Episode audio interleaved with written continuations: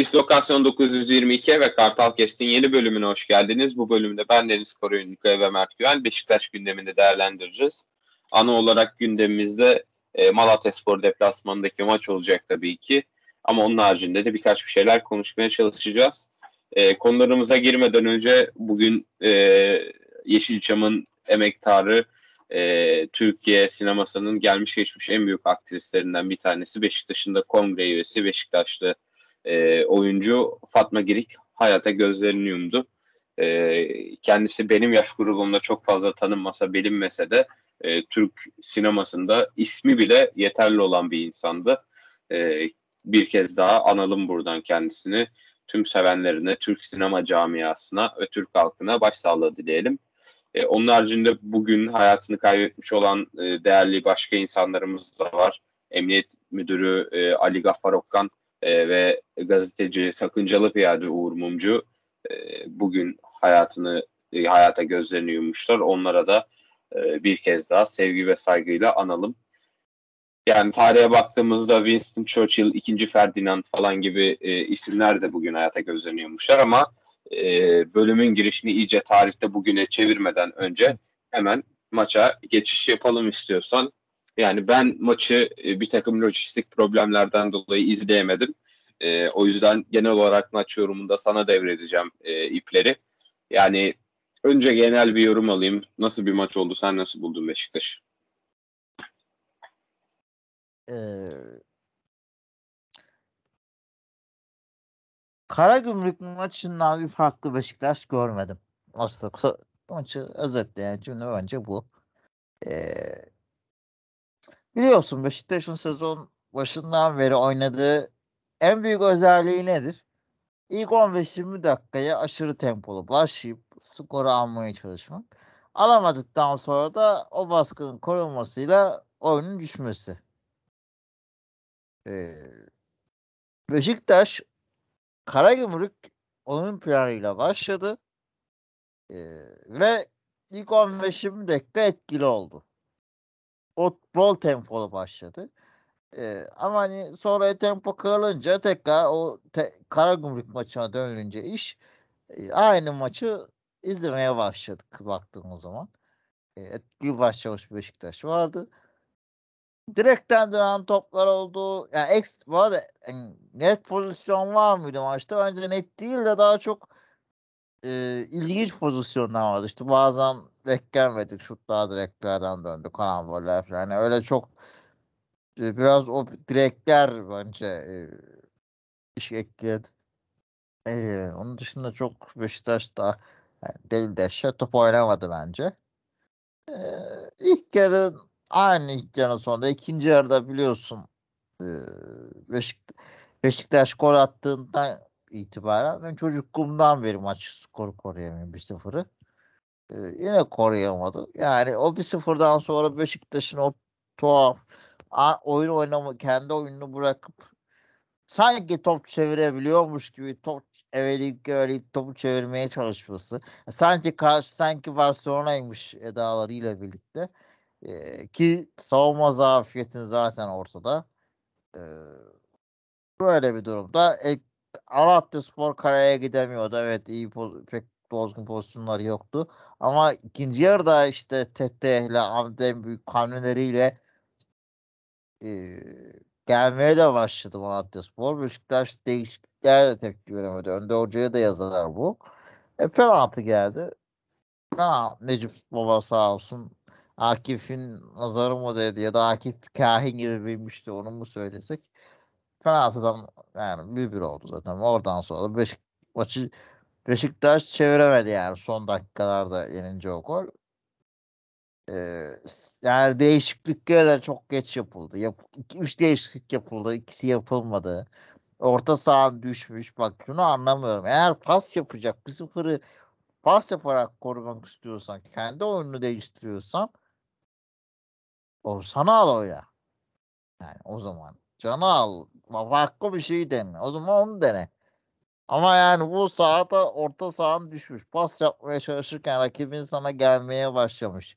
E, savunman kırılgan. Ya ne bileyim Necip'i ortaya at. Stoper al Necip'i ortaya at. Atıyorum. Bu da bir hamledir. Bu da bir düşüncedir.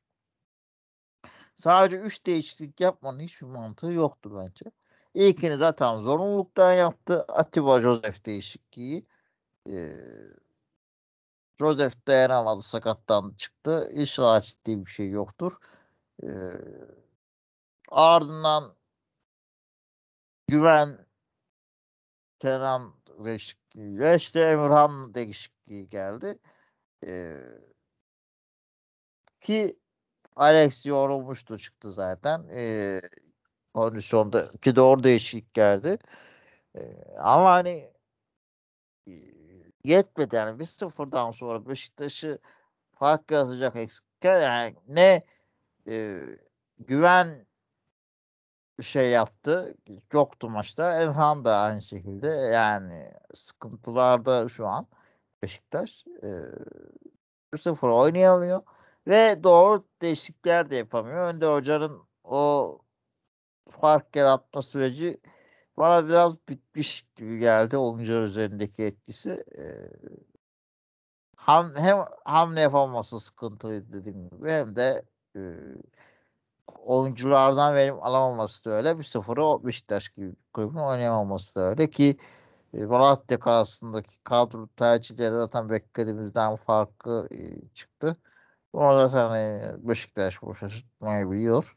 Ee, ama hani burada e, Beşiktaş'ın son 3-4 maçının benzer bir e, tempo oyunla birlikte kötü geçiyor yani. Sonunu ben de merak ediyorum milyarda dönüşünü.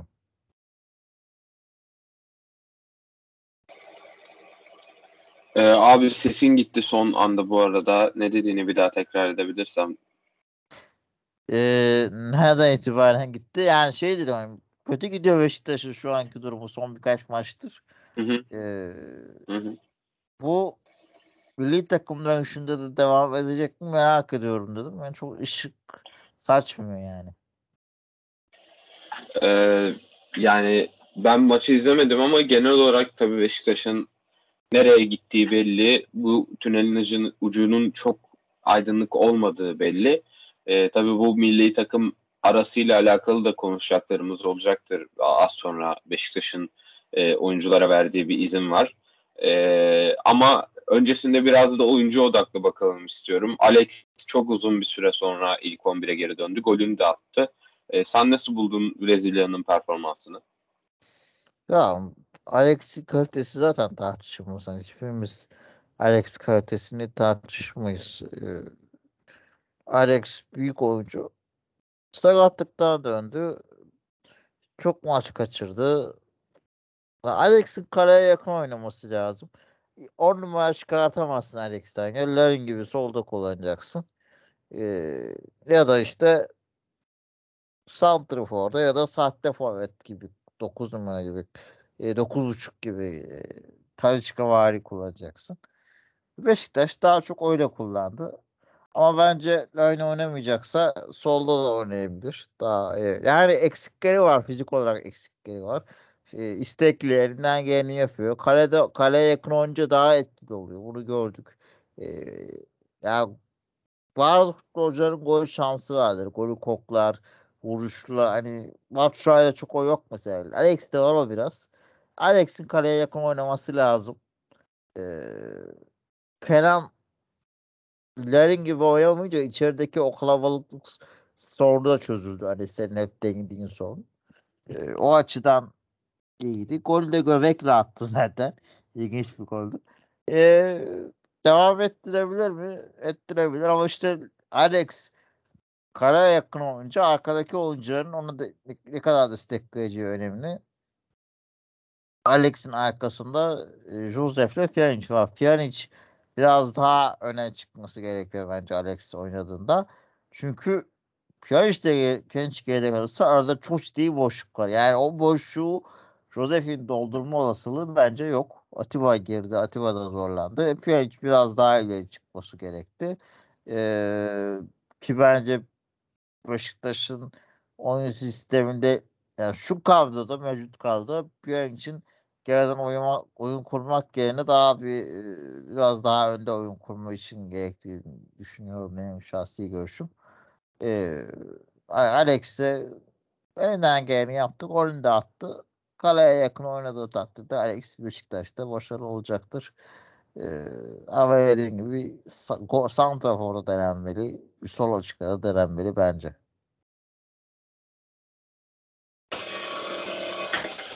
Ufaktan Batshuayi'de Batshuayi'ye de değindin aslında. Yine bu maçta da oyuncu sosyal medyada olsun, e, geleneksel medyada olsun fazlaca tepki topladı e, kaçırdığı gollerle. Çok yani Beşiktaş'ın ürettiği ya. çok tadımız kaçırıyor. 3.1'lik bir gol beklentisi e, değeri var. Bundan çıkan tek bir gol. Tabii ki e, böyle bir durumda gözler takımın santraforuna döner. Yani ona da yine daha detaylı bir değin istersen. Ya Alex'in golünde asisti yaptı. E, görmüşsündür belki. E, güzel bir asisti. E, ya o işleri iyi yapabiliyor ama Beşiktaş'ın golcüsü gol atmalı abi. Yani Alvaro Morata dünyada eleştiriliyor. Alvaro Morata da işte takım oyunu, pasa, istasyonu, aralama açma, oyuncu defansı sürükleme, oyuncularına takım arkadaşlarının pozisyon yaratma gibi işler yapıyor. Ya bu da böyle değil ama bu da gol de atıyordu Türkiye'de. Morata eleştirilirken sen de eleştirilirsin. Geçmez abi. Skor yapacaksın. Skor yapmadığın takdirde eleştirilirsin. E, yapamıyor. Yani son vuruşları çok kötü. E, fena başlamadım hocam. O sonra da o da düştü. Troncular gibi. Yani farklı diyecek kelime bulamıyorum ki Batshuayi hakkında. Yani maç çok hatırda kalınır. Böyle derin Karagümrük maçına söylemiştin ya çok unutulabilecek bir maçtı. Hatırlıyor musun? Senin cümlelerinden biriydi. Maç da öyle bir maçtı. Batshuayi'nin de performans öyle bir performanstı. Unutulan silik performanslar izledik yani. O maçla ilgili ne yazık ki. Yani maç bir Kenan'ın performansını biraz hatırlıyorum. O da biraz hani Kenan çünkü Beşiktaş'a geldiğinden beri en iyi ikinci maçını oynadı. İlk maçı da bu arada şeydir hani o ilk geldi Rize maçıdır. O da ilk maçı diye. Ee, en iyi dediğimde 5.5 falan veririm hani kendi bu maçı üzerinde 10 üzerinden. Normalde bizi çok daha düşük hatta neyse sıfıra yakın e, oynadığı için e, 5.5 bile fark yarattı ama normalde 7'lik bir 6.5 7'lik bir başlangıç yaptı. Ama ilk 15-20 dakika sonra e, ki oyunuyla o puan biraz daha geriledi 5.5'a. E, yani onun dışında söyleyebilecek ekstra bir oyuncu performansı yok bence. Çok iyi oynamıyor Beşiktaş. Ee, onun yani genel olarak sürülen bir oyuncu yok. Josef'e yazık tabi. Atiba da elinden geleni yaptı o yaşta yani. O kadar dakika oynamaya devam ediyor yani. Oyuncu hamleleri de sıkıntılı. Yani oyuncularla ilgili söyleyebileceğim çok fazla bir şey yok. Ee, Gezal'ın oyunda kalması önemliydi. Gezal da fena oynamadı zaten genellikle olduğu gibi. Yani sivrilen bir oyuncu performansı yok Beşiktaş'ta ne yazık ki son dönemde yani. Rıdvan da biraz düşüşte. Ee, yani başka da ben düşün Kenan'a ayırıyorum biraz sivrildi diye. Alex gol attı hadi bir şeyler yaptı. Alex de dönüyor sahalara. Yani Pjanic e, Gezal belli bir standartta. Ama ben şunu yine söyleyeyim. Beşiktaş'ta Karagümrük maçında da söylemiştim. Yine söylüyorum. 10 üzerinden e, altılık yedilik perform yedilik böyle çok az da genelde altının üstüne çıkan çok oyuncu olmadı.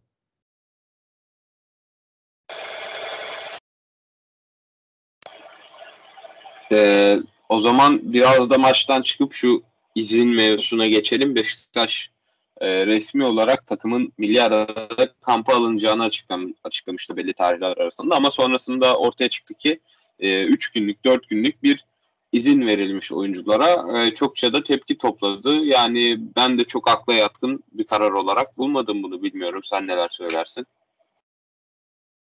Ee, kesinlikle aynı şekirdeyim. Ee, yani şu var e, sen şu zamana kadar ne oynadığında e, ne nereye geldiğinde e, bu izni alıyorsun. E, bunu hak ediyor musun? Beşiktaş'ın ligde bulunduğu durum ortada. E, kılıç sıralaması or- ortada. E, ciddi sıkıntıları var. E, ödülmüş gibi bunun verilmesi gerçekten kabul edilemez bence ki Süper Kupa'da önce yapı, bu yapılan hata yüzünden hatırlarsın ne kadar çok e, Covid vakasıyla karşılaşıldı. Hala Covid devam ediyor. Yani kampa gideceklerse bu dört gün niye bu ara veriliyor? Ben bunu anlamıyorum. Yani İstanbul'da izin ver. İstanbul içinde kalın de en azından daha kontrollü olursun. Ya da Antalya'ya aileyle birlikte götür oyuncuları. Dört gün Antalya'da beraber eğlensinler. Ya da git kampını tamamen kamp yap. İki gün izin var İstanbul'da. Git Antalya'da kamp yap. Yani ne oluyor? Bu dört gün futbolcular ne oynadı da bu dört günlük arayı hak etti? Ben çok anlamıyorum. Beşiktaş sanki yani ligde hedefi kalmamış doğru. İkinci, üçüncülüğü kovalıyor ama geri, oyun olarak bir şey vaat etmiyor. Tek hedef Türkiye Kupası. Bunun yönetilememesi, üzerinde bir de bu Covid riski varken bunun yapılması çok ciddi sıkıntı Beşiktaş'ta diye düşünüyorum. Ee, yani kabul edilir gibi değil. Zaten bu saçma milli takım arası neden var? Ee, onu da anlamış değilim. Hani playoff desen değil, Uluslar Ligi elemesi desen değil. Yani neyi oynuyoruz biz şu an? Ee, oldukça saçma e, bir durumdayız. Ee, ak, yani çok saçma zamanda saçma milli takım arası. Ee, inşallah sonu yine fena olmaz.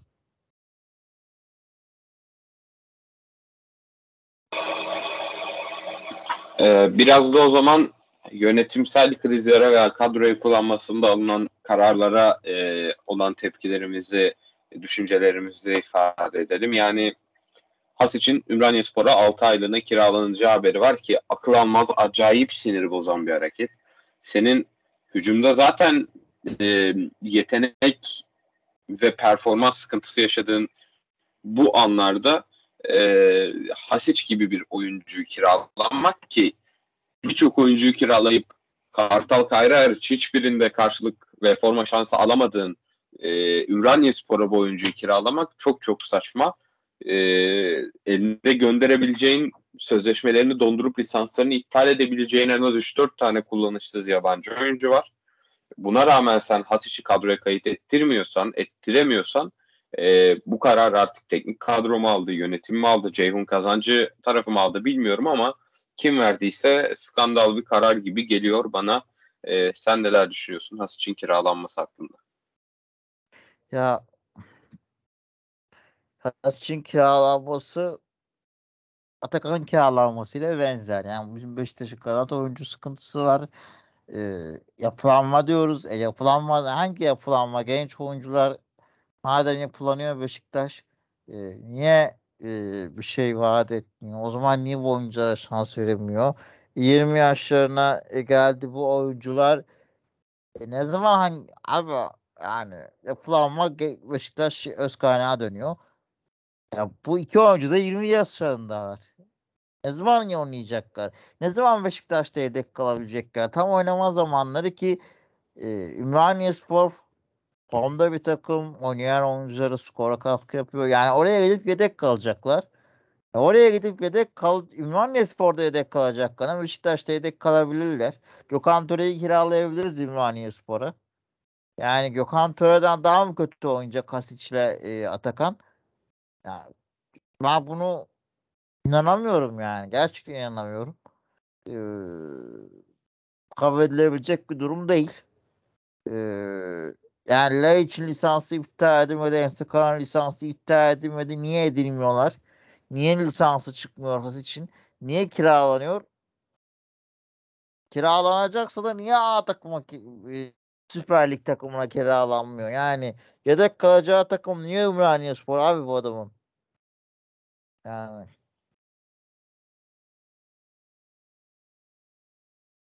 Saçmalık daniskası yani ne, yani. Sadece yerli genç oyuncuları oynatmak bu olmaz. Ki bir yıldızın var oynat işte. Kaç tane hiç ayarında futbolcu var e, şu an bu ligde? Gezal alternatifi kas istiyoruz yani şeyi söylemekten ben bıktım. Ee, yani bir de Hasic'i madem sen oyuncu satışlarından para kazanmayı planlayan bir kulüpsün, Hasic'i milliyetinden ve pasaportundan ötürü Avrupa'ya pazarlaman, özellikle İtalya tarafına, o Alplerin olduğu bölgeye, Balkanların biraz daha basına pazarlaman çok daha kolay. Bu oyuncu Ya Hasic- zaten. Onun gibi Ya ondan oyna- yani yani iki sene sözleşmesi biterken bu adam ben sözleşme uzatmıyorum dese kimse sen niye uzatmıyorsun demez. Çünkü haklı. Hiç şans verilmedi. Hiç. Geçen sene o şansı elde ediyordu. Sakatlandı. Sakatlıktan dönüyor adam. Hep dönüyor. Ne olursa olsun o şans verilmiyor. Yani niye? Çıkarıldı mı planlardan? E genç genç ne iş bu genç olayı o zaman yani. Hasic gibi e, onlarca oyuncu, ondan daha yeteneksizleri bile o coğrafyaya biraz performans gösterip kafasını çıkartıp e, transfer yaptı. E, Ya Hasic de Beşiktaş'ta şut atan kaç oyuncu var şu an? Lafını kesiyorum. Çok doluyum da. Beşiktaş'ta şut atan oyuncu var mı şu an? Uzaktan. Düzgün. iki tane var. Pjanic, Onlar da arada Gezal. bir. Arada bir. Hasic oyna, oynadığı, süre aldığı her maç bir şut çeker. 5 dakika oynarsa bir şut çeker. 15 dakika oynarsa iki şut çeker. Doğru mu? Gaza maçlarda bir şut anca deniyor 90 dakika oynarken.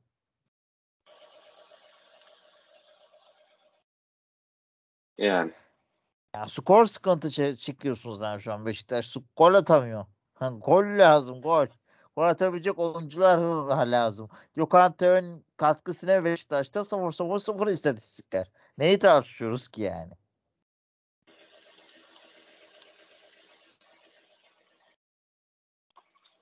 Yani bu kadro planlamasında kim yapıyorsa Beşiktaş'ın geleceğini Ceyhun kazancı kuruyorsa ve böyle kuracaksa aman kurmasın eksik kalsın diyorum.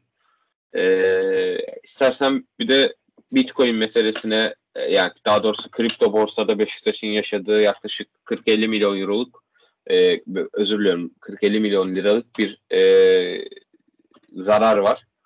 E, sözleşme feslinden ötürü. Bu sözleşmeyi karşı tarafın yani e, biz BTC Türk'te çalışıyorduk yanılmıyorsam. BTC Türk'ün e, iptal ettiği yönünde haberler de var ama ne olursa olsun Beşiktaş kripto borsası gibi çok diğer rakiplerimizin fazlaca gelir ettiği, elde ettiği e, bir alanda e, e, yatırım yapıyor. Kendi kripto parası e, coin'e basılmadan daha e, sözleşme fesiyle beraber büyük bir zarara uğruyor. Bununla alakalı hiçbir basın açıklaması da yok.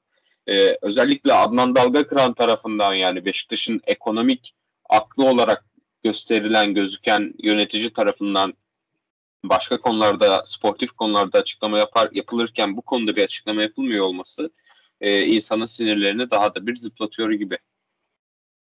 Ya abi madem eee, karşı taraf feshediyor niye Beşiktaş zarara uğruyor? Karşı taraf zarara soktuğu için tazminat ödemesi gerekmiyor mu? Böyle saçma anlaşma mı olur? Yani.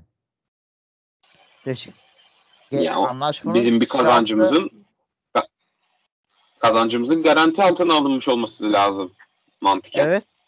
Evet yani o zaman karşı taraf buluyorsa Beşiktaş niye zarar ediyor bundan? Yani anlaşmaya bak. Alacağımız para 5 milyon euro açıklama da çok iğrenç. Bak o kadar iğrenç açıklama ki kazancımızı euro, e, festimizi az gözüksün diye euro üzerinden veriliyor. E, kazancı kaybımız da e, baktığınız zaman e, TL işte Loca ile TL'den veriliyor. Niye? Aradaki fark çok hatta kârdaymış gibi gözüksün. Ya vur TL'ye 5 milyon 60 milyon civarı para yapıyor. 60 milyon 13 milyon lira öce gelir. Dalga mı geçiyorsunuz siz? Yani bu nasıl bir rezillik yani? bunu yapmaya utanmıyorlar da yani. Gerçekten akıl alır gibi değil. Ee, büyük bir fiyasko. Yani bu açıklama yani borsaya bildiriyorsun. Ne muhabiri bir şey soruyor. Ne gündem yaratılıyor ne çıkıp bir açıklama yapan var. Yani 510 milyon liranın mı işte o raporda KMFG raporlarından yanlış mı söylüyor olabilirim o ismi. Ee, zarar, evet zarar tespit etti güzel bir şeyler yapılıyor evet. Burada 45 onda biri zarar şimdi oldu orada Beşiktaş. Hani mali disiplin hani bir şeyler getirmeye yaptığın içerisinde şey tamamıyla çalışıyor ve niye herkes susuyor bu konuda anlamıyorum abi ben ya. Gerçekten anlamıyorum. Beşiktaş 45 milyon lirası gitti. Niye gitti abi Beşiktaş'ın 45 milyon lirası? Karşı taraf hatalıysa niye biz zarar çekiyoruz? Biz feshettiysek niye feshettik? Daha iyisini mi bulduk? Yani böyle bir şey olabilir mi? Zaten biz bu işe çok geç girdik. Yani rakipler çok önceden girdi. Biz hala bu sene işte çalışmalar başladı, imzalar attık. E, birkaç ay yetişecek derken yetişmeyi bırak iptal oldu. 2-3 yıl önce girmemiz gerekiyordu bizim bu piyasaya. Rakipler girdi. Beşiktaş ilklerin kulübü dediğimiz kulüp hala giremedi. Girmeyi bırak girecekken de geri adım attı. Ve bunu hiç kimse nedenini açıklamıyor. Akılır gibi değil. Vallahi akılır gibi değil ya. Yani Beşiktaş zarara uğruyor. Beşiktaş'ı zararı uğrata, uğratıldığına dair kimse hesap sormuyor. Ve bunun ne yani bu da inanılmaz. Hesap soran nasıl niye hesap sorulmuyor bu konuda? Yani Beşiktaş göz göre göre zararı uğratılırken niye kimse hesap sormuyor? Biri bana bunu açıklasın ya. Valla akıl alır gibi değil yani. Şaka gibi bir ortam yani. Çok can sıkıcı yani. 45 milyon lira zarar. Ne ne olacak? Bunu nasıl kapatacağız bu açığı? Ya bunu böyle sözcük işte Euro TL konularak falan hileri hileri ver, vermeye çalışıyorlar falan yani. Keriz var karşılarında çünkü yani. Futbolcular biz taraftarlar veya işte medya falan anlamıyor zaten insanlar bunu yani. O kadar kafa çalışmıyor çünkü. Yani bu bari kandırmayın ya kandırmayın. Kimse çıkıp hesap sormuyor. Bunun feshedilmesinden sorumlu, Beşiktaş zarar uğratılmasından sorumlu insanlar kadar hesap sormayanların da sorunu var. Hani tek kuruş para rüyalarınıza giriyordu. Ne oldu bırakmam seni kampanyaları, yapılan açıklamalar, bir sürü şey detaylar, pişmanlar. Ne oldu? Şimdi ne oldu da buraya girildi Beşiktaş bu zarara uğratılırken? Beşiktaş niye şu an zararda? Bir bana bunu açıklasın ya.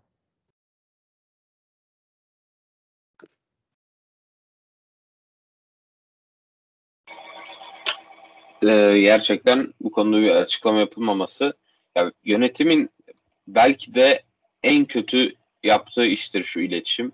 Halbuki e, yönetim e, süreçlerine, dönemlerine bırakmam seni kampanyasıyla beraber taraftarla bütünleşip e, girmiş olmalarına rağmen çok fazla gerilediler bu konuda. Yani geçtiğimiz yazdan beri Beşiktaş'la e, Beşiktaş Yönetim Kurulu arasında herhangi bir sağlıklı iletişimden bahsetmek söz konusu bile değil. Ee, yani ekleyecek başka bir şey var mı yoksa yavaştan kapatalım mı? Ya diyeyim ki abi canım yani sıkılıyor yani. İşte, yani gündem yoğun yani şu an yapacak bir şey yok. Ee, bu tatil dönüşü nasıl döneceğiz göreceğiz. Keyfi yani Beşiktaş'ın oyunu can sıkıyor. Bu tarz yönetim hamleleri daha da can sıkıyor. Yeni yıl çok iyi gelmedi şu ana kadar Beşiktaş'a. Kesinlikle katılıyorum. Ee, ağzına sağlık abi. Dinleyicilerimize de teşekkür ederim dinledikleri için. Bu önlük bizden bu kadardı. Milli ara sonrasında bir sonraki bölümde görüşünceye dek hoşçakalın. Hoşçakalın.